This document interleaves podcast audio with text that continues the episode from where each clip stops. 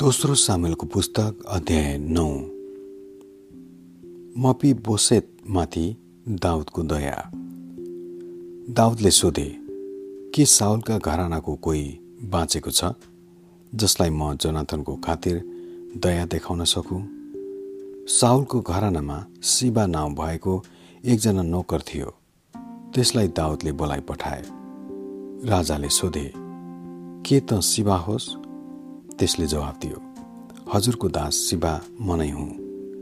तब राजाले भने के साउलका घरानाको कोही जीवित छ जसप्रति परमेश्वरको दया म देखाउन सकु? शिवाले भन्यो हजुर जोनाथनका एकजना छोरा जीवित छन्। उनी दुवै खुट्टाका लङ्गडा छन्। राजाले सोधे उनी कहाँ छन्? अनि शिवाले जवाफ दियो उनी लो देबारमा अमियलका छोरा मकिरका घरमा छन्। तब राजाले मानिसहरू पठाएर लोदेवारदेखि अमियलका छोरा माकिरको घरलाई उनलाई झिकाए। जब जोनाथनका छोरा साउलका नाति मपी बोसेत दाउद कहाँ हाजिर भए तब उनले घोप्टो परेर राजालाई दण्डवत गरे। दाउदले उनलाई भने मपी बोसेत उनले जवाब दिए हजुर म तपाईँको दास।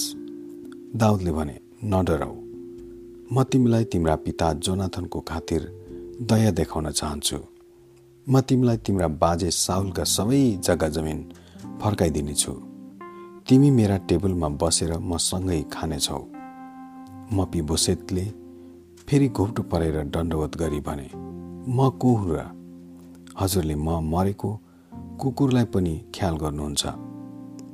तब दाउदले साउलको नोकर शिवालाई आफू कहाँ बोलाउने हुकुम गरेर त्यसलाई भने म तेरा मालिकका नातिलाई साउल र उनको घरानाका सबै सम्पत्ति दिँदैछु।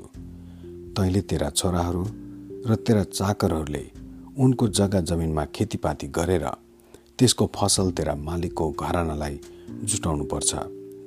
अनि मपी बोसे तेरा मालिकका नातिले मेरो टेबलमा बसेर खानेछन्। शिवाका पन्ध्र छोरा र बिस चाकरहरू थिए। तब शिवाले राजालाई भन्यो हजुरले हुकुम गर्नुभए बमोजिम म सबै गर्नेछु। यसैले राजाका छोराहरू मध्ये एकजना भए झैँ मपी बोसेतले दाउदको टेबलमा खान लागे। मपी बोसेतको मिका नाउँ भएको एकजना सानो छोरा थियो। शिवाको घरानाका सबैजना मपी बोसेतका नोकर भए।